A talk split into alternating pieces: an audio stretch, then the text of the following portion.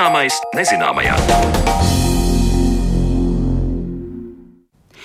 Esiet sveicināti!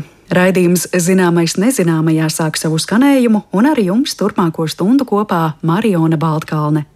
Sēnes un gļotsēnes ir šīs dienas raidījuma vadmotīvs.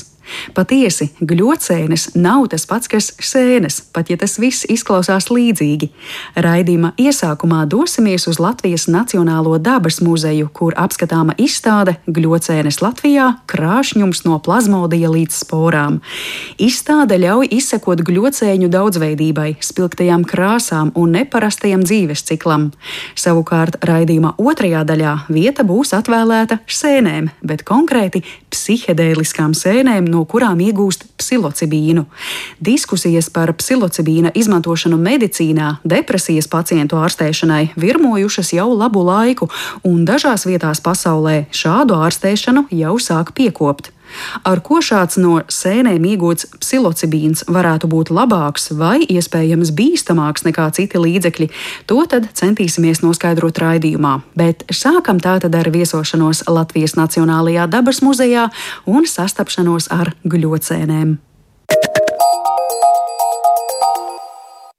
Pumpurītes, dzelksnītes, sprodzītes, vilkpienaines, ragansviesti. Šādos un vēl citos neparastos vārdos tiek dēvētas gļocēnes, kas fotografijās, dzīvos paraugos un video materiālos aplūkojamas izstādē Latvijas Nacionālajā dabas muzejā. Tur uz sarunu tiekos ar Julitu Klušu un Viju Sīmansoni, divām gļocēņu pētniecēm, entuziastēm, kuru ikdienas darbs aizrit citās nozarēs, taču viņu abu dzīves būtiska sastāvdaļa ir gļocēņu meklēšana dabā un sugu noteikšana. Kaut jēdzienā parādās vārds sēnes, gļocēnes tomēr nav sēnes. Izstādes nosaukums Gļocēnis Latvijā - krāšņums no plazmodija līdz sporām jau liek aizdomāties par gļocēņu dzīves ciklu, un par to arī vispirms jautāju satiekot abas pētnieces. Stāstu iesāk Vija Sīmansone. Sākotnēji gļocēnus vispār pieskaitīja pie sēnēm. Ļoti augļu ķermeņi, kas veido sporas, nu, līdzīgi kā sēnes. Un tad izrādījās, ka viņi pirms tam, pirms tā spora veidošanās, var arī parāpot. Un tas ir tas plazmodijas stadijā. Tā ir tāda pušķidra. Nu, Principā olas baltumam līdzīga konsistence, varbūt visādos toņos, ļoti krāšņi, ļoti grezni. Tos parasti arī vieglāk ir pamanīt mežā. Kaut ko tādu koši dzeltenu, koši oranžu, un arī citās krāsās ir. Tas interesantais, kas ir tas gļocēnas e, dzīves cikls, jo principā tie nav e, ne sēnes, ne dzīvnieki, bet tie ir vienšūņi. Piedar pie protestu valsts šobrīd klasifikācijā. Tad, kad viņi izdomā, ka ir jāvairojās, ka ir jāaug, jāveido sporas, jādodas tālāk, e, tad šīs vienšūnas sāk dalīties. Bet viņš paliek kā viens šūns vēl joprojām, tikai vienkārši liela šūna ar daudziem, daudziem kodoliem. Un tajā brīdī šī šūna aug, un tad jau viņu var arī saskatīt ar neapbruņotu aci. Plazmodijs ir viena no stadijām dzīves ciklā. Plazmodijs, kad viņš ir atradis to īsto vietu, kur ir atbilstoši sausuma, gaismas apstākļi, viņš nobriest sacietē un tad iekšā veidojas sporas tas jau būs tas augļu ķermenis. Augļu ķermeņi arī ir, ir dažādas sugas, dažādi tipi gļocēņu. Ir tādi, kas veido vienu lielu augļu ķermeni, teiksim, tie paši ragansviesti, kas ir ievērojamā lielumā, viens objekts. Ir tādi, kas veido no viena plazmodija ļoti daudz mazus sīkus, vai apaļas bumbiņas, vai pilienveidīgas formas uz kātiņiem, kam var būt tiešām pat tie augļu ķermeņi simtos no tā viena plazmodija veidoties. Viņi ir daudz, bet viņi ir maziņi. Galvenais visā tajā pārējā no plazmodija līdz sporu stadijai ir tas, ka gļocēna ļoti maina krāsu. Tas ir ļoti neparasti, jo nu, es pieredzēju, ka, nu, kad ir kāda krāsa, tāda ir krāsa. Un, ja teiksim, plazmodijas vienā un augļu ķermeņa otrā, to varētu vēl saprast. Bet tajā pārējā, tur tāpat gada gļocēna, pušķainā šokolādes gļocēna, viņa sākumā balta, pēc tam dzeltena, tad sarkana, tad brūna. Un tad, kad tās brūnās sporas izbirst, tad paliek melni kātiņi nu, vairs nav tā toņa, tikai melna kātiņa, ko mēdz saukt arī koka mati. Jo viņi ir uz skritulas, nu, kā reāli viņi izskatās kā melni mati. Tur jau krāsu vairs nav. Te mēs esam nonākuši pie tā otra posma, preparējot izstādes nosaukumu. Tātad eh, gļocēnes Latvijā krāšņums no plazmodija līdz sporām. Tad es nojaušu, ka visu gļocēņu gadījumā mēs runājam par krāšņām, spilgtām krāsām, līdzīgi kā Julita jau tikko iezīmēja Krāsas ir visdažādākās, tiešām no baltas līdz melnam, visi toņi, kas vien iespējami. Katram ir tas savs interesants, savs skaistais, arī tās, kas ir galīgi melnas. Viņam ir tie spīdīgi apvalciņi, ja tā rūpīgāk, ciešāk ieskatās. Visās varavīksnes krāsās tur var kaut ko atrast. Pilnīgi visām gļocēnēm nav tas krāšņums. Ir arī tādas ļoti sīkas, un viņas ir brūns plazmadijas, brūnas augļķermenis un brūna kritala fonā. Un vēl pie tam izmērs 0,1 mm. Tādu pamanīt, nu, pa gabalu nu, neuzrunās krāšņums. Nu, to krāšņumu uz aci neredz, bet, kad mikroskopē, nu, tas krāšņums parādās. Vismaz manām acīm. Es par to esmu domājis, vai citiem ir tā pati krāšņuma uztvere, jo man viņas visas ir krāšņas. Bet tam cilvēkam, kas to gļocēnēm nu, nav sirdi atdevis, tas paskatās nu, kātiņš un bumbulītis, kas tur tāds. Ja? Nu, tas ir ļoti subjektīvi. Nu, tāpēc jūs esat gļocēņu pētnieki, entuziasti, un jums ir vērīgas acis, lai pamanītu tieši gļocēnas. Bet, jā, vēlreiz atgriežoties pie gļocēņu sistemātikas, tepat arī mums izstādē ir liels plakāts ar uzrakstu Gļocēnas nav sēnes. Mēs jau runājām par šo plazmodiju vai vienšūņa stadiju, bet tā tad mēs arī nevaram teikt, ka gļocēnas būtu dzīvnieki. Vienkārši šī kustīgā vienšūņa forma tos it kā padara varbūt tuvāk uz dzīvniekiem nekā augiem vai sēnēm. Ja? Nu, tā ir. Jā. Nu, ne tuvākus, bet pilnīgi neatkarīgi. Nevar teikt, ka viņas ir tuvāk tam vai tuvāk šitam. Viņas ir pilnīgi neatkarīgi. Tad gļocēnas ir gļocēnas. Tieši tā. Nu, pat visas nav nemaz gļocēnas. Mums te ir vēl vesela tāda kolonu grupa ar fotografijām, mm, gļocēnēm, kuras nav īstās gļocēnas. Jo ir tāda ģīns, seratio miksa, jeb ragainītes, kuras vispār viņas vēl savādāk. Viņām sporas veidojas nevis augļķermeņa iekšpusē, kā visām pārējām, bet uz galiņiem. Un tās vispār neskaitās gļocēnas. Bet, nu, lai nejauktu cilvēkiem galvu, un kurš tad viņas nabadzīgs paņems viena ģins, tad viņas parasti skata kopā ar īstajām gļocēnām. Vēl pašā beigās, tad, kad gļocēna ir izaugusi, viņai bieži vien ir apkārt tāda gļotaina apmale. Nu, tas no tās gļotas pārpalikumi. Viņa vairs nav tik šķidra, bet nu, tā kā plēvīta apkārt. Tas arī tā kā viena pazīme. Nu, šī drīzāk būs gļocēna, jo sēnēm apkārt gļotainas apmalītes nav. Tas ir arī tas, ko es iedomājos, ja es eju pa mežu un kaut kur uh, uz sūnām, uh, uz koku virsmas pamanu kaut kādu tādu gļotainu zupiņu. tad varbūt varētu būt aizdomas, ka tur ir gļotsēne. Ja? Ļoti liela iespējamība. Pie reizes tad jautājums, kur tad uh, gļotsēnes augu, kādu virsmu viņas izvēlas. Nu, te es fotografijās arī redzu koku stumbri, bet izskatās arī zemes virsma Kļūcēnas barojas pārsvarā no baktērijām un dažādiem mikroorganismiem. Principā viņas varētu būt visur, kur ir kaut kāds uh, trūdošs organiskais materiāls. Tāpēc arī visbiežāk ir lielākoties uh, tās ir kritālas. Lielākā daļa sugu nobirās kaut kādās vecajās pērnējās lapās, uh, kaut kādās skaidrās, kaut kas tāds. Arī principā jebkur.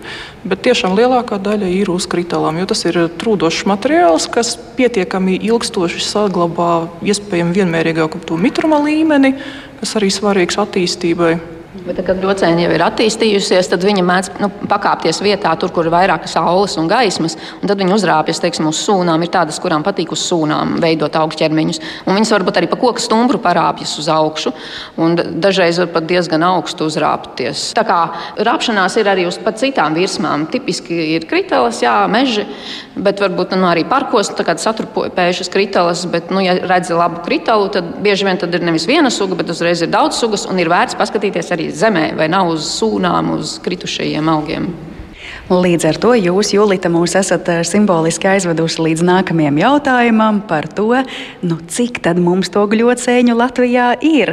Te vispār ir Latvijas gļocēņu pētniecībā interesanta vēsture, jo nu, pirmie pētījumi bija publicēti 30 gadus atpakaļ.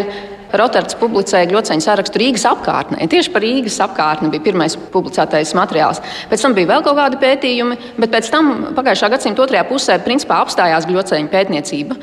Un dabas muzeja direktore Skaidrīta Ruskula tajā laikā studēja, un viņa uzrakstīja diplomu darbu 1986. un 7. gadā par gļocēniem Slīteres rezervātā. Tas ir pēdējā gadsimta otrajā pusē, tas ir praktiski vienīgais darbs par gļocēniem, kas ir bijis. Nu, visādi citādi tā pētniecība bija apstājusies. Un, nu, tā kā Latvijā tur grocēns bija pamirušā stāvoklī, tad iesaistījās lietuviešu pētniece Gražina Damonīta. Tā kā viņa ir eh, Lietuvas grocēns pamatīgi pētījusi, nu, tad viņa pie viena arī brāļu tautas, igauniem palīdz, latviešiem palīdz. Nu, tad viņa bija noteikusi vairākas sugas jaunas Latvijā un pati bija atradusi arī jaunas. Un, un tad viņa 2020. gadā, relatīvi nesen, publicēja Latvijas grocēņu sarakstu, kurā bija 108 sugas. Viņa nezināja, ka paralēli tam 2009. gadā sāk darboties portāls dabas dati. Bija sākusies tautas kustība, kad cilvēki ziņoja, ka gļocēns īsti nemākot nenoteikt neko, bet nu, saprata, aizrakās tik tālu, ka tās ir gļocēns, kas tās varētu būt, meklēja internetē kaut kādas atbildes. Un tagad es varu pateikt, ka šeit ir lielais saraksts ar gļocēņu taksoniem. Tas ir ietvers sugas, varietātes un pasugas. Un tajā taksonu sarakstā kas bija aktuāls jūnija vidū, viņš jau ir mainījies. ir 225 taksoni. Sugas kā tādas ir vairāk nekā 200. Tas ir 2023. gads. Oficiālā publikācija 20. gadā ir 108, un tagad ir vairāk nekā 200. Tāpēc ir jāmikroskopē. Izveidoju Facebook grupu, un cilvēki ziņoja gļocēni. Es skatos, oh, šī tēma varētu būt jauna suga, man vajag paraudziņu. Cilvēks iet otru reizi, ievāc paraudziņu, sūta ar pakamātiem, atved līdz mājām. Ļoti dažādi bija bijuši. Dabas... Julita ar prieku stāsta, ka pēc Facebook grupas izveidošanas gļocēņu interesantiem cilvēku atsaucība bijusi liela. Viņai piegādāti gļocēņu paraugi, lai varētu trenēties sugu noteikšanā, un nu jau arī citi entuziasti grupā paši nosaka gļocēņu sugas. Bet Vijai Sīmansonai jautāju, kurā gada periodā gļocēnes vislabāk pamanīt. Tāpat kā līdzīgi arī sēnēm, rudenī ir vislielākā suga daudzveidība. Šobrīd no tām pirmajām sugām, kas sākās dažādi ragansviesti, jā, pušķainā šokolādes gļocēne, tās pašas ragainītes arī Uz rudeni būs vairāk visādas krāsainās bumbulītes, pilienītes un no tām. Bet principā gļocēnus var uh, atrast visu cauru gadu. Jūtas pieminētie koka mati, tas ir viens no variantiem. Rudens sugas, kuras attīstās lēnāk, kuras bieži vien ir redzamas arī ziemā, Tās pašas daudzpilītes, kuras rudenī visbiežāk arī nepamanā nemaz, kamēr viņas vēl ir tādā melnā krāsā, kamēr nav izsporojušās. Uz ziemu, kad viņām tas sporas izsporojas, paliek tie oranžie, tiešām sarkanie krāšņie sporu mākoņi, kas uz balta fona sniegā daudz labāk ieraugāmi. Tās ir biežāk ziņotās sugas tieši pavasarī, marts, aprīlis, kaut arī aug viņas rudenī, bet saglabājas ilgi. Es jūtu, ka gļocēnas ir īpašas ne tikai ar krāsām, bet arī nosaukumiem. Un izrādās, ka šogad, tātad 2023. gadā, pirmo reizi ir arī pasludināta gada gļocēne, pušķainā šokolādes gļocēne. Nu, tad atkal jautājums, visām gļocēnēm ir tik kolorīti nosaukumi. Un kāpēc? Nu kā, nu, vajag taču smukus nosaukumus. Tas arī cilvēks motivē kaut ko atrast. Jo agrāk bija nu, no tiem laikiem, kad bija pētītas iepriekš gļocēnas, dažām bija jau doti nosaukumi, atvasinot no zinātniskā nosaukuma. Piemēram, metatrihija. Metatrihija neko neizsaka, bet mēs viņu nosaucām par daudzpilīti. Te var redzēt, kad ir uz kātiņa daudz pilīšu. Vai arī pilienītes. Pasaka, pilienītes uzreiz var nojaust, kuras varētu būt pilienītes. Un, nu, vienkārši mēs latviskojām, iesaistījās arī folklorists Sandrs Laime. Līdz ar to mums bija nu, tāds speciālists, kurš arī veicināja dažādus senāku vārdu iesaisti nosaukumu veidošanā. Par izstādi, kā jūs cilvēki, kuri ikdienā darbojas citās nozarēs, kā tapa ideja par izstādi? Ideja tapa savā ziņā netradicionāli. Pagriežot laiku atpakaļ, man šķiet, ka tas bija 2012. gads, kad Anita Toma svinēja sev 50 gadu jubileju un organizēja kukaiņu fotokonkursu savai jubilejai par godu. Un tajā izstādes atklāšanā mēs sanācām kopā. Man liekas, oh, baigi laba ideja. Nu, kad nosvinēt savu dzimšanas dienu tā, ka arī citiem ir prieks, kad mēs varam sanākt kopā tie, kas interesējas par to vienu jomu. Un man šogad ir 50 gadu jubileja, un es pagājušo gadu ar Initu, kas nu, arī tās gļoceņu paraudziņus vācu un nododu dabas muzejam. Tagad tiek veidots eh, gļoceņu paraudziņu krājums. Nu, es sadarbojos ar Initu Danieli. Nu, kas ir dabas muzeja mikoloģija. Mikoloģija, jā. jā. Viena no vadošajām ir Diana Meijere, un Inita Daniela ir tās divas, no kurām turas sēņu pasaule. un Inita atbalstīja to domu. Es viņai pateicu par to, ka varētu uzrīkot izstādi, un Inita atbalstīja to domu. Man bija tāds pārsteigums tiešām, jā, tā var. Un tad nu, sākumā domāju par to fotokonkursu, bet tad es sapratu, ka es gribu parādīt gļocēnu visās stadijās, visas tās gļocēņu grupas dažādās. Un, ja es likšu cilvēkiem sūtīt fotogrāfijas, tad pirmā izstāde būs visi ar vilkpienainēm un ragansviestiem, tās, kuras cilvēki labāk pazīst. Es nevarēšu parādīt to daudzveidību. Un tad es biju tāda mazliet egoistiska, kad es pārsvarā nu, izvēlējos visas tās sugas, ko es gribu, un tiem, kuriem bija tās labās fotogrāfijas, es viņus aicināju iesūtīt, un arī man bija izsludināts, ka drīkst iesūtīt eh, fotogrāfijas. Un kopumā te ir vairāk nekā 20 autoru fotogrāfijas. Nav tā, ka gluži tikai manas, bet principā es koriģēju to, kuras fotogrāfijas nonāks līdz izstādē.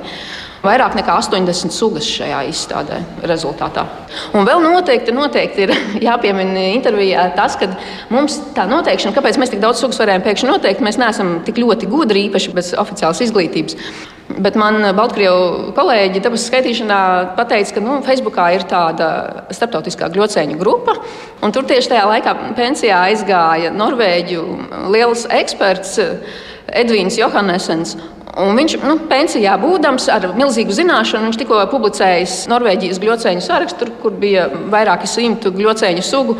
Un viņš vienkārši noteica tās pēc fotografijām, pēc mikroskopijām, noteica tās sugas. Viņš deva ļoti vērtīgus padomus, kuras nianses ir jāņem vērā, ko var noteikt no bildes, ko var noteikt tikai pēc mikroskopijas. Nu, ja nebūtu viņa, es domāju, nebūtu arī šīs izstādes. Tā kā Edvīnam milzīgs paldies! Bet mēs izstādē redzam ne tikai fotogrāfijas. Te ir vēl paraugi uz galda, pie kuriem var pieiet ar lupu kaut ko paskatīties. Jums aiz muguras, te uz sienas ir tāda kā video projekcija, bilžu nomaiņa. Tur ir vairāk nekā 200 attēlu un ir arī video vēl par kļocēju, kā viņa aug no tā plazmadījuma. Anna Grinčuka ir fantastiska filmētāja. Viņa ir nobildējusi arī gada gļocēnu, kā viņa no plazmadīja izaug līdz sporu stadijai. Un par tiem paraudziņiem te ir arī nu, kastes ar paraudziņiem kurus var pētīt ar lupu. Ideja par šo man ienāca prātā, tāpēc, ka eh, Facebook grupā lielajā starptautiskajā, kur tur tūkstošiem dalībnieku, Dmitro Ļoņcevs no Ukrainas, viņš bija publicējis sagrauto Ukrainas universitāti, kur bija. Jā, kur viņam bija darba vieta. Tur bija jā, ļoti skaisti attēli, kur bija gan fotografijas, gan tā fotografija attiecīgi sugai priekšā neliela kastīte ar paraudziņu. Attiecīgās sugas, un tad tu vari salīdzināt, kā tas izskatās, cik liels tas ir dabā un ko tur ir jāierauga. Tas bija tāds, jā, tas iedvesmas tāds moments, kāpēc gribējām arī gan, gan. Vai paskatīties arī to, kā tas izskatās reāli. Un vēl izstādē atrodama kritala, kurā Julita ar viju saspraudušas 60 adatiņas, lai cilvēki, ieraugot adatiņas turpat blakus uz kritalas, meklētu arī gļocēnes. Sniegt datus par gļocēņu atradnēm dabā, iespējams, portālā dabasdati.clv, var sekot līdzi Facebook grupai, gļocēņu abrīnotājiem un pētniekiem, un ziņot par jebko, kas varētu būt gļocēnes, un plašāku ieskatu gļocēņu daudzveidībā var gūt Julitas izveidotajā tīmekļa vietnē dziedava.lv. Latvijas Nacionālajā dabas muzejā gļocēņu izstāde skatāma līdz 17. septembrim, un tajā iespējams balsot arī par skaistāko fotografiju. Skatītāju iecienītākās gļocēņu fotografijas tiks izmantotas gļocēņu kalendārā, kas tiks izdots šī gada beigās.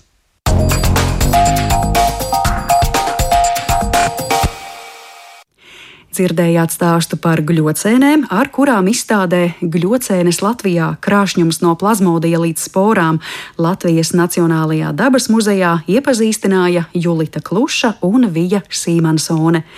Bet no gļocēnēm nonākam līdz psihedēliskām sēnēm un psilocibīnam. Par to visu saruna pēc brīža raidījuma turpinājumā.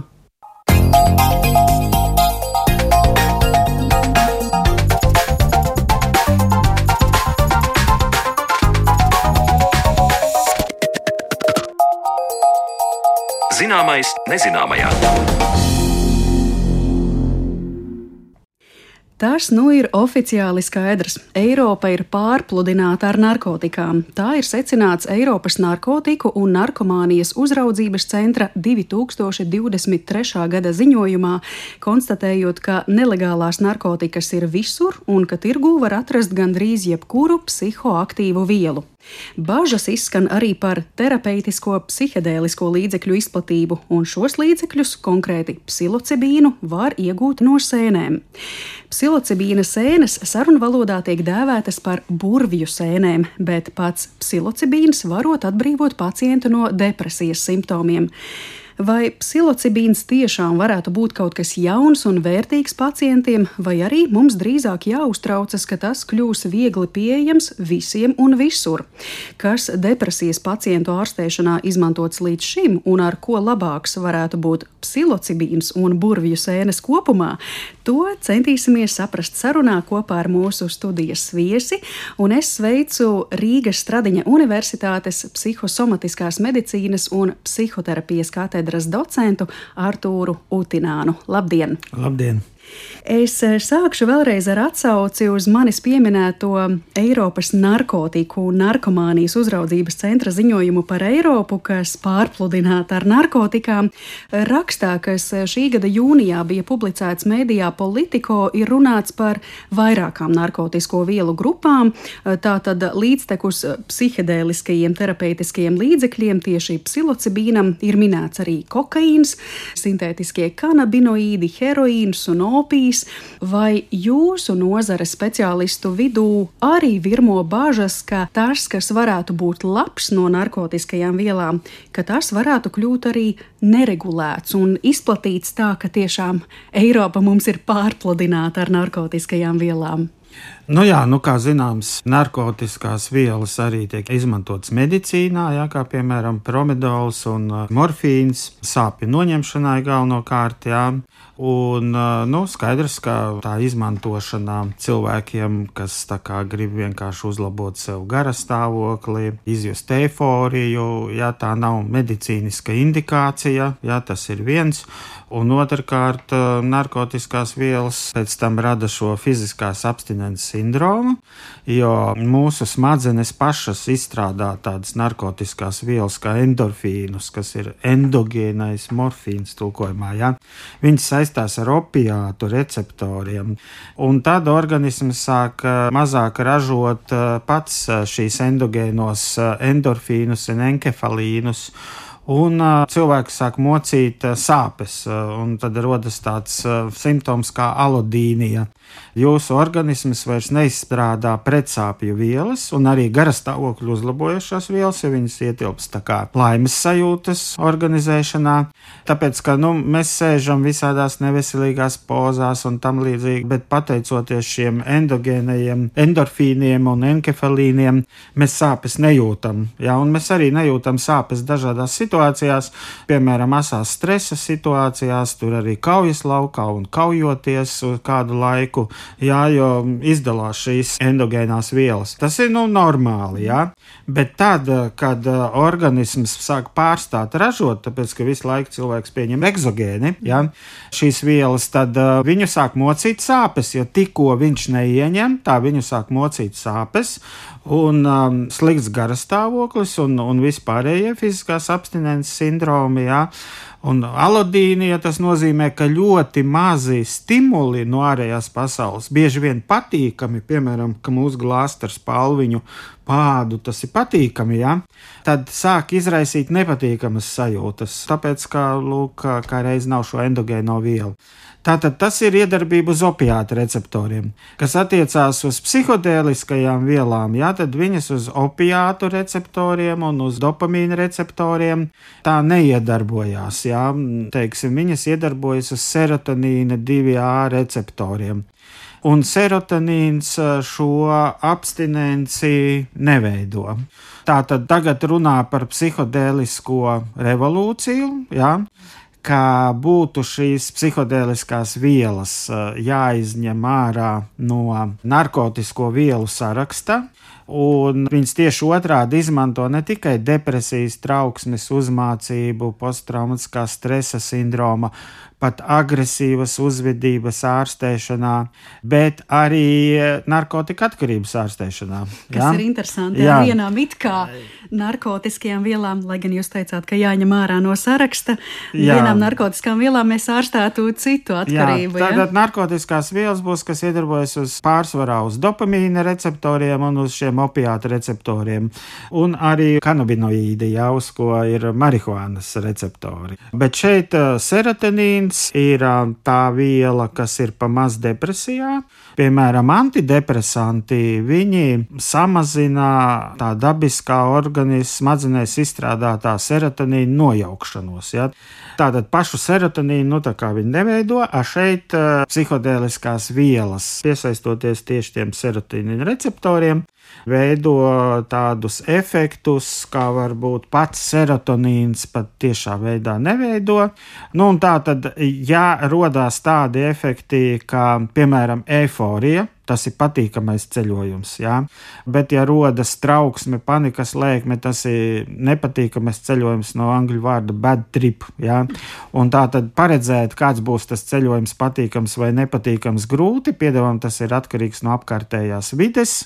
Plus viņi var izprovocēt, eh, nu, pirmkārt, eh, halucinācijas. Jā, tas nozīmē, ka tas eh, līdzinās psihozei, jā, tādai līdzīgai psihozei, piemēram, pat kā schizofrēniskā psihoze. Bet, nu, protams, viņi pāriet pēc tam, kad tas tiek izvadīts no organisma. Bet tiem cilvēkiem, kam ir noslēdz uz schizofrēniju, ja tiem viņa var aktivēt uh, šo schizofrēnijas epizodi vai nu pirmo reizi, vai nu tiem, kam jau ir bijusi, tiem atkal atkārtotu pāsinājumu, slimības pāsinājumu. Tāpat arī cilvēkiem, kam ir panikas lēkmes, ja tas var radīt uh, paniku, un tad viņi tur rada daudz visādu ķermenisku efektu, piemēram, tur var būt arī arī nu, sirds daudzīšanās, ja tādas depersonalizācijas epizodes un cilvēkiem, kam ir augsta veselības trauksme, ja, kas ieklausās katrā ķermeņa sajūtā, piemēram, vai viņiem nav vēzis, um, tad uh, viņi uzreiz, um, nu tā tad uh, viņam panika pieaug. Tātad šīs, es saprotu, visas ir iespējamās ēnas puses. Psilocibīna, psihedēlisko vielu no sēnēm iegūto izmantošanā. Ja? Jā, tieši tā. Tur ir gan īstermiņa šie blakus efekti, gan nu, tādi ilgtermiņa. Ja? Bet pozitīvās puses ir kādas, tad, ka nu, iedarbojoties uz šiem serotonīna receptoriem, cilvēkiem samazinās depresija. Protams, mēs te Latvijā neesam izmantojuši to ārstēšanu, un es nezinu, ka kāds to izmantotu.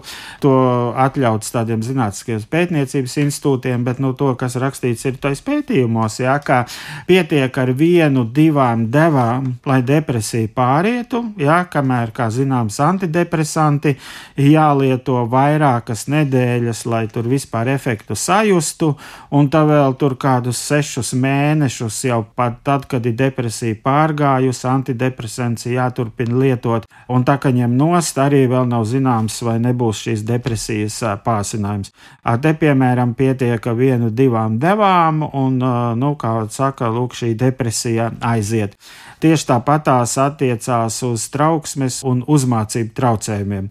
Jo kas tur ir pamatā, kā skaidro savukārt šos ārstnieciskos efektus? Ja, mums ir tāds smadzeņu darbības automātiskais režīms. Angļu valodā saucās default mode network.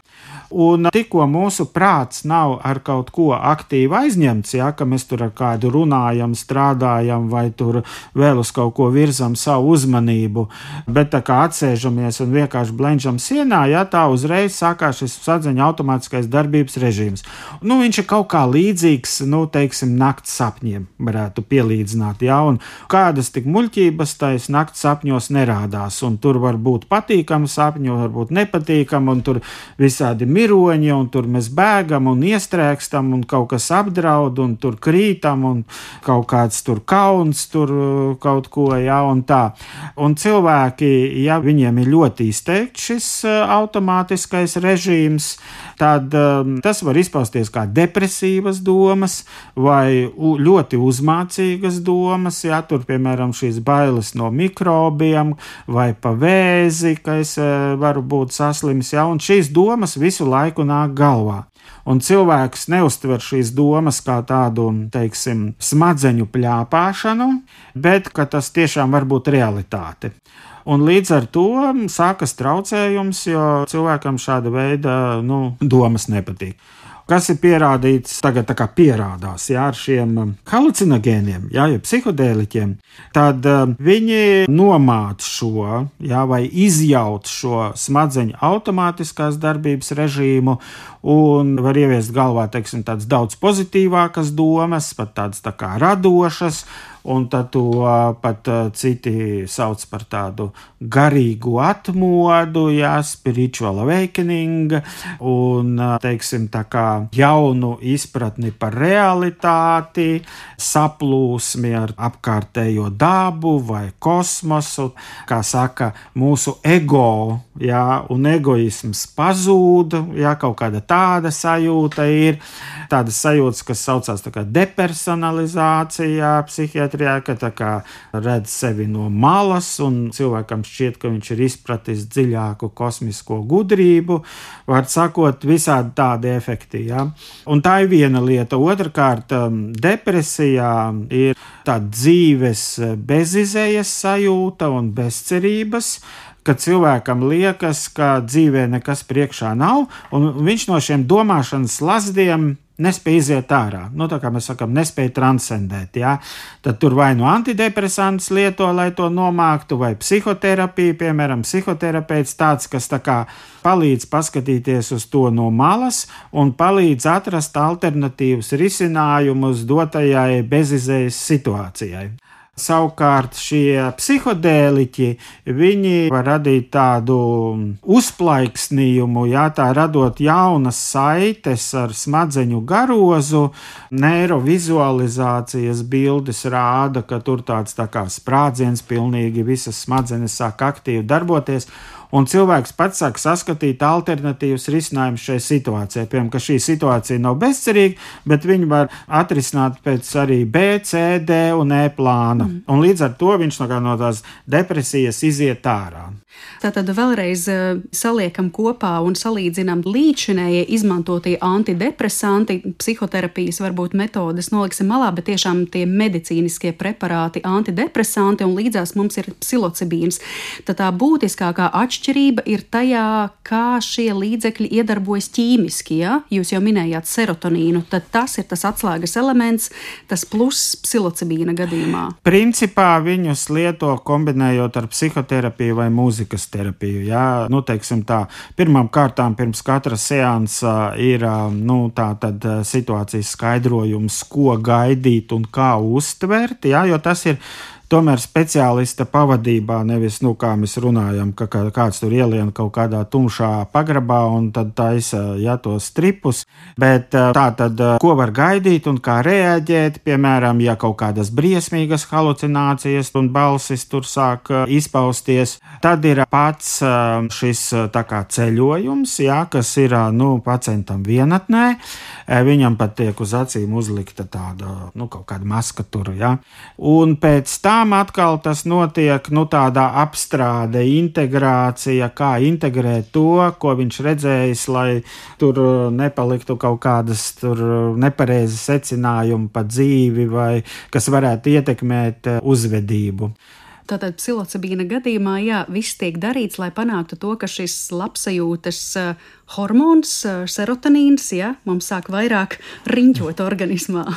Jā, nu, serotīns netik daudz rada labsajūtu, cik uh, noņem šīs negatīvās emocijas, bet saistoties ar dažādiem smadzeņu garozas centriem, jā, viņi panāk, ka citi smadzeņu garozas centri, arī tur radošie, ja viņi ieslēdzas klāt, ja, un cilvēks tā kā ieraug citu risinājumu, kamēr pie depresijas vai pie kaut kādiem tiem trauksmes traucējumiem tāda sašaurināta uztvere, teiksim, tā tuneļa veida redze, ja, vai nu kāds redz vienīgi bezizēju, vai tur tikai mikrobus vai vēzi, kas viņam apdraud, partneru attiecībās arī izmanto pāru terapijā, piemēram, ka kāds savu partneri redz tikai kā neusticīgu, pārņems ir ar agresīvu greizsirdību, jā. Ja? Tā tad faktiski tiek nomākts pie veiksmīga risinājuma tāda mandele, ja, jeb amigdala viņu sauc, kas ražo agresiju un trauksmi,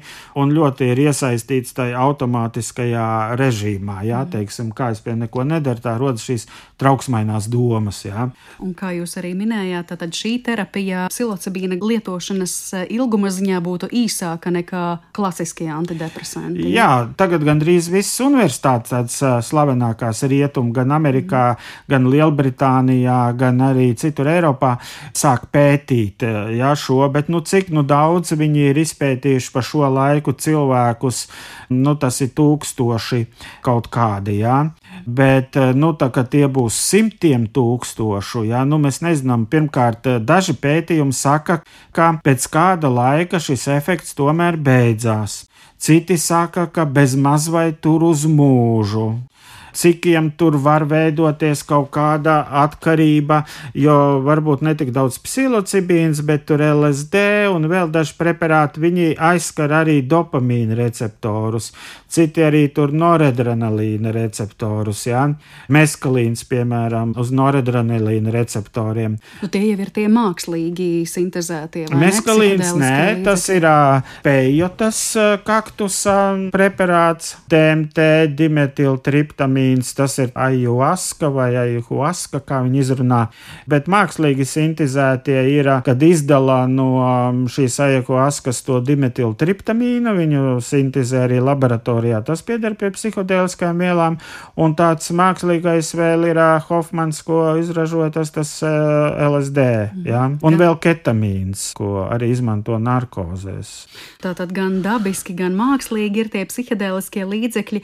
Ja mēs vairāk uh, par tiem tiem dabiskajiem un par tām psilocibīna sēnēm, cik daudz tādas vispār ir apzinātas. Man, protams, pirmais uzreiz nāk prātā mušmiras, bet es ticu, ka tās nav vienīgās, un eh, kāpēc tās sauc par burvju sēnēm tieši šī tāda apdullinošā efekta dēļ? Jā, nu, šis meskalīns pējot kaktusā tikai tur Dienvidamerikā, jā, un Meksikā. Tad šīs psilocibīna sēnes ir izplatītas pa visu pasauli. Tātad viņas ir ne tās mušmeres, bet tādas ot, suņu sēnes. Jā, nu, ja iegūglēs tos psilocibīna sēnes, tad te var redzēt, jā, tādas parastās spēlēkās suņu sēnes, ko tur neviens nelasīs. jā, jā, jā, nelasa.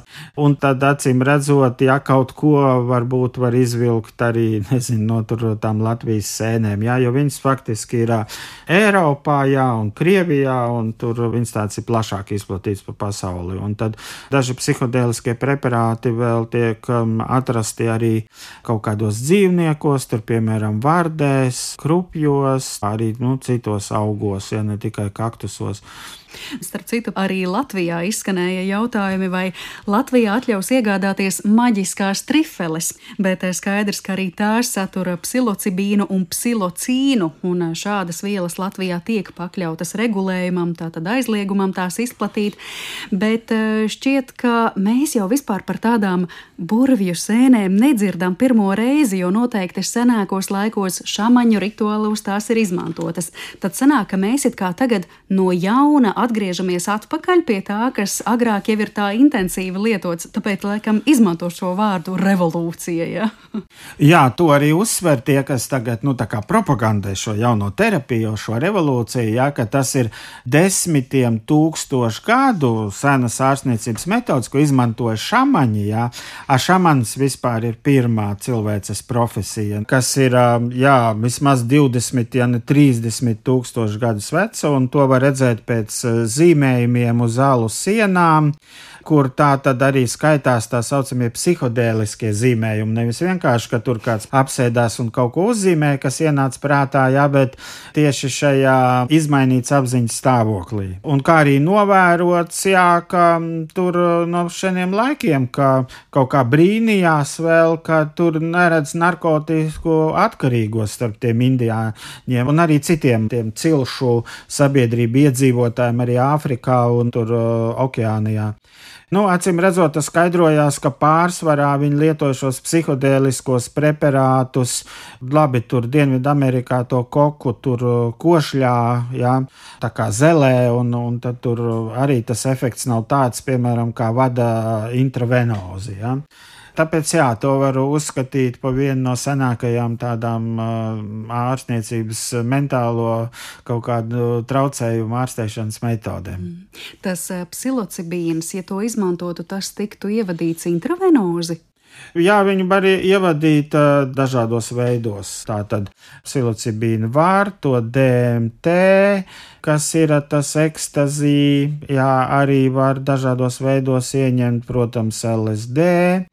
Tā arī notiek tie seansi, kas ir tādos ārstnieciskajos centros. Mēs pirmīt salīdzinājām psilocibīnu ar pašreiz lietotajiem antidepresantiem, bet ja mēs salīdzinātu psilocibīnu ar šiem mākslīgi sintēzētajiem psihedēliskiem līdzekļiem, nu to pašu LSD, kāda tur būtu tā starpība? Tie dabiskie līdzekļi joprojām būtu spēcīgāki vai tieši otrādi? Principā psilocibīns ir ļoti līdzīgs LSD, viņi ir analogi, bet LSD ir spēcīgāks. Nu, ko nozīmē spēcīgāks? Kam ļoti maz devs izsauc līdzīgu efektu. Un LSD vairāk darbojās arī uz šiem dopamīna receptoriem nekā psilocibīns.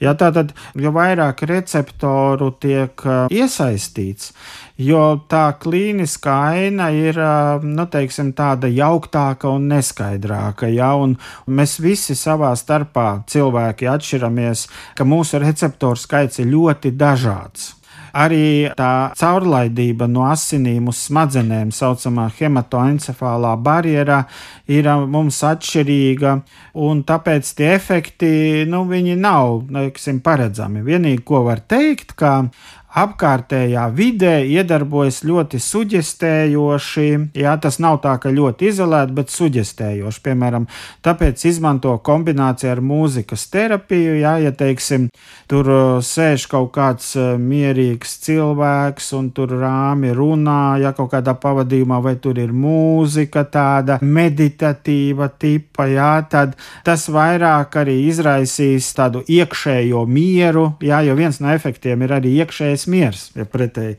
trauksmē. Nu, ja mēs paraugāmies, kāda ir pašreizējā situācija pasaulē attiecībā uz psilocibīnu un vispār psihedēlisko līdzekļu lietošanu, tad Austrālija kļūsi par pirmo valsti pasaulē, kurā psihiatriem ir atļauts izrakstīt psihedēliskus līdzekļus depresijas ārstēšanai, ja vien citi medikamenti nav līdzējuši. Bet, ja mēs runājam tieši par psilocibīnu, tad šī gada sākumā mēs varējām lasīt, ka jau Oregona ir kļuvusi par pirmo ASV štatu, kur ir legalizēta psilocibīna ārstnieciska lietošana. Tiesa gan federālā līmenī psilocibīns joprojām paliek aizliegto vielu sarakstā, bet eh, turpmāk Oregonā ik viens 21 gada vecumu sasniegušais varēs saņemt no licencēta personāla uzraudzībā šo psilocibīnu. Nu, un Oregonas štatam ir tālāk sekojis Kolorādo štats. Tātad kaut kas jau notiek, kaut kas jau virzās, ik pa laikam šī zaļā gaisma tiek dota terapijā. Bet vai ir šīs bažas un par ko izskan šīs bažas attiecībā uz tāda psilocibīna plašu laišanu apritē, par šo piereduma efekta veidošanos, vai arī varbūt par to, ka tiešām tas sāks izplatīties nekontrolēti un ka jebkurš, kurš tagad pateiks, nu, es jūtos tāds nomākts, hei, es gribu psilocibīnu. Jā, nu tāpēc, ka mums nav zināmi visi efekti un ilgtermiņa efekti, kādi var būt, tāpēc, ka šīs zāles no 50, 60 gadiem mm, saka, ka pateicoties prezidentam Niksonam ir zem aizlieguma, jo tad bija tā visāda tur puķu revolūcijas un tad tie hipiji izmantoja un viņi uzstājās pret karu Vietnamā. Un tas ir viens, nu, ko viņš uzskatīja, jā, ka tas kā, nomāca patriotiskās jūtas un padara cilvēkus nesakarīgus, vai ne, lai būtu tā kā prezidenta pusē, teiksim tā. Nu, tas tiek minēts kā viens no iemesliem, kāpēc šīs psihodēliskās vielas pieskaitīja narkotikām. Jā, nu tā vismaz minēs, nevaru pateikt, cik tas ir patiesi, cik nē. Otra lieta ir tāda, ka var būt uh, kaut kādas nesakarīgas uzvedības, protams, tiešām, ka provocējušas šīs psihozes, jā. Un tā skaitā nu, cilvēkiem nesakarīgas domāšanas dēļ, tur varbūt viņš var pa logu izlikt ārā. Medicīna, protams, un zinātne ir konservatīva, jā, viņai jāiet nu, ar piesardzību, un tas skaidrs, ka pasaulē tā lēnām skatīsies, kas tad tur sanāks Austrālijā, kas tad tur sanāks Oregonā, pamazām vāks tos datus, pamazām vāks arī tos negatīvos rezultātus rezultātus, un tā skaitā ļoti svarīgi ir tie ilgtermiņa rezultāti. Jā, kas tad būs pēc 10 un 20 gadiem ar tiem lietotājiem, vai viņiem pietiks, ka viņi tur, nezinu, piemēram, vienreiz gadā izmēģina, ja viņi sāks gribēt arī biežāk, divreiz, trīsreiz, piecreiz un tad 365 reizes gadā. Jā var veidoties arī fizioloģiska atkarība, ja fiziskā abstinence var veidoties psiholoģiska atkarība. Ja? Un tad um, arī, nu, teiksim, cik daudz ir kaut kāda nesakarīga domāšana, piemēram, paranoja, var būt, uh, kad uh, nonāk konfliktā vai pat kaut kādas slepkavības, kaut kādu halucināciju ietekmē. Nu, viss to vēros, jā. Nu, viena lieta, piemēram, no desmit cilvēkiem vienam ir sliktā efekti, jā.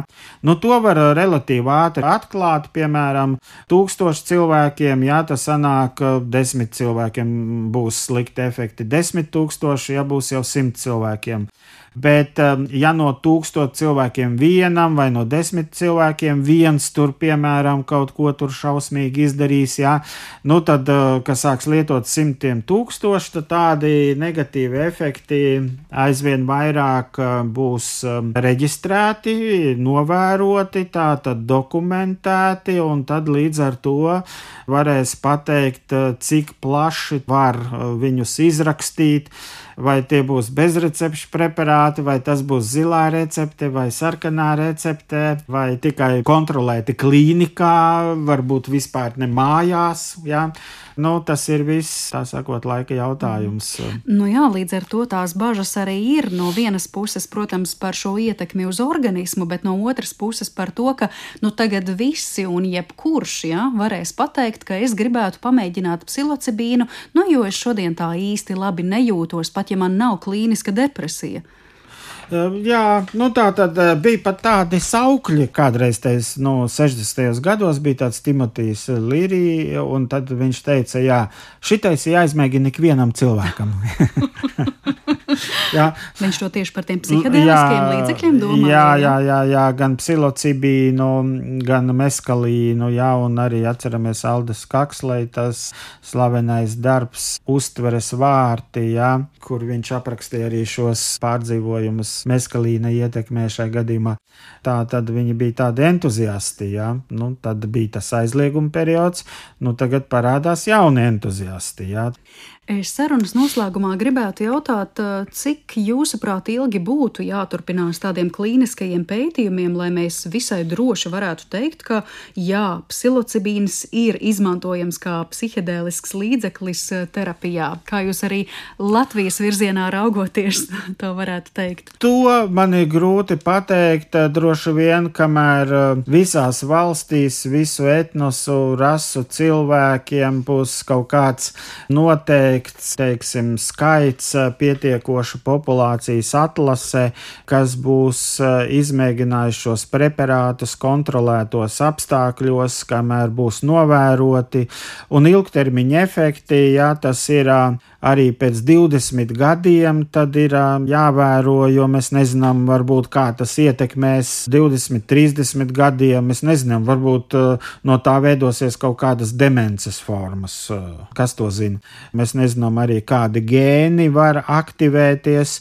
Pat ja mēs sapņojam, mums jau aktivējas noteikti gēni. Un tagad, ja mēs injicējam sev vai tur vienalga iegaršojam vai ielpojam kaut kādas psihodēliskās vielas, nu, mēs varam ieiet tādā tā kā sapnī. Jā, tas nozīmē, ka arī tad kaut kādi gēni tiek aktivēti. Jā. Un šeit ir jautājums, nu, kādas tam ir ilgtermiņa sekas. Jā, tāpēc nu, diezgan ilgi būs jānovēro un piemēram piemēram, agrāk bija arī uzskats, ka dzīves laikā iegūtā pieredze pēcnācējiem nepārietu. Tagad attīstās epigenētika, kas saka, ka pāriet gan. Kā tas izpaudīsies pēcnācējiem? Jā, tas arī viens jautājums. Vai viņi būs radošāki vai depresīvāki? Kas to var pateikt, kamēr tas vienkārši nav uh, savākts pietiekoši lielā apjomā? Uh, starp tautām, etnosiem arī var atšķirties tie efekti. Nu, piemēram, zināms, tur Indijā, tur, kur ir tās kastas, jā, piemēram, ka tur kšatrijiem slikti iedarbojas kaut kādas anestezējošas vielas.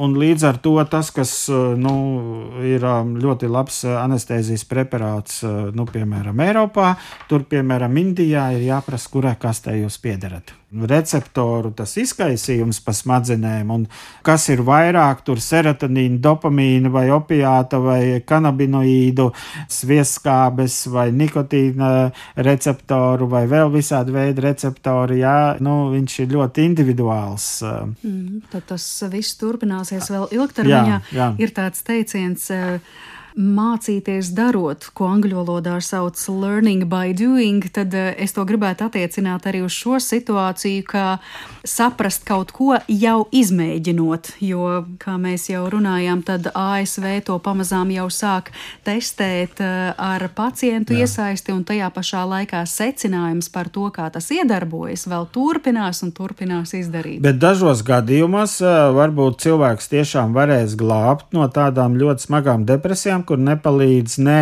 antidepresanti, ne psihoterapija, ne pat elektrošoka un transkraniālā magnetu stimulācija, piemēram, ko var paskatīties, atrodot tāds materiāls par asistēto suicīdu. Ja? Asistētais suicīds, ja, kad pacients nevar iziet no depresijas un, un vienkārši viņš grib mirt un lai viņam palīdz uh, tur uh, nomirt. Ja? Nu, un tagad uh, varbūt viņiem tā ir um, jā, jauna iespēja no otras puses, jā, ja, ja tiešām tas efekts ir tik labs. Bet tātad Latvijā mēs pamatā izmantojam klasiskos antidepresantus. Ja? Par faktiski trīs galvenās ārstniecības metodas depresijai ir tas ir antidepresanti, tā ir psihoterapija, pamatā ārstēšanas metode, un tagad ieiet arī fiziskās aktivitātes. Ja? Tā tad regulāras iešanas uz sporta zāli, jo tas arī aktivē to pašu serotonīnu un arī dopamīnu. Nu, Dievs dod, ka visiem cilvēkiem fiziskās aktivitātes labi iedarbotos uz to serotonīna pastiprinātu izdali organismā, bet, diemžēl, praksa rāda, ka ne visos gadījumos tas strādā. Varbūt tiešām psilocibīnas un psihedēliskās sēnes ir jauna palīdzības recepte, bet tas viss vēl tiks apzināts un skatīts, un sekosim līdzi jauninājumiem, un kas zina, varbūt pēc kāda laika tiešām jau šī revolūcija būs sasniegusi nākamo līmeni, vai ne? Utināna kungs, es jums saku lielu paldies, ka jūs mūs e, tādā dziļākā sapratnē ievedāt par to, kas tad ir psihedēliskās sēnes un e, psilocibīns un no kā mums ir jāuzmanās. Atgādināšu, ka šīs dienas e, zināmais nezināmajā studijā viesojās Rīgas Stradiņa Universitātes psihosomatiskās medicīnas un psihoterapijas katedras docents Artūrs Utināns. Paldies Jā. jums par sarunu. Paldies jums. Un ar to arī mūsu šīs dienas raidījums izskan. Par to parūpējās Ansis Pavasaris, Kristīne Delle, ar jums sarunājās Mariona Baltkalne. Paldies jums par pievienošanos šajā stundā un uz sadzirdēšanos citu reizi.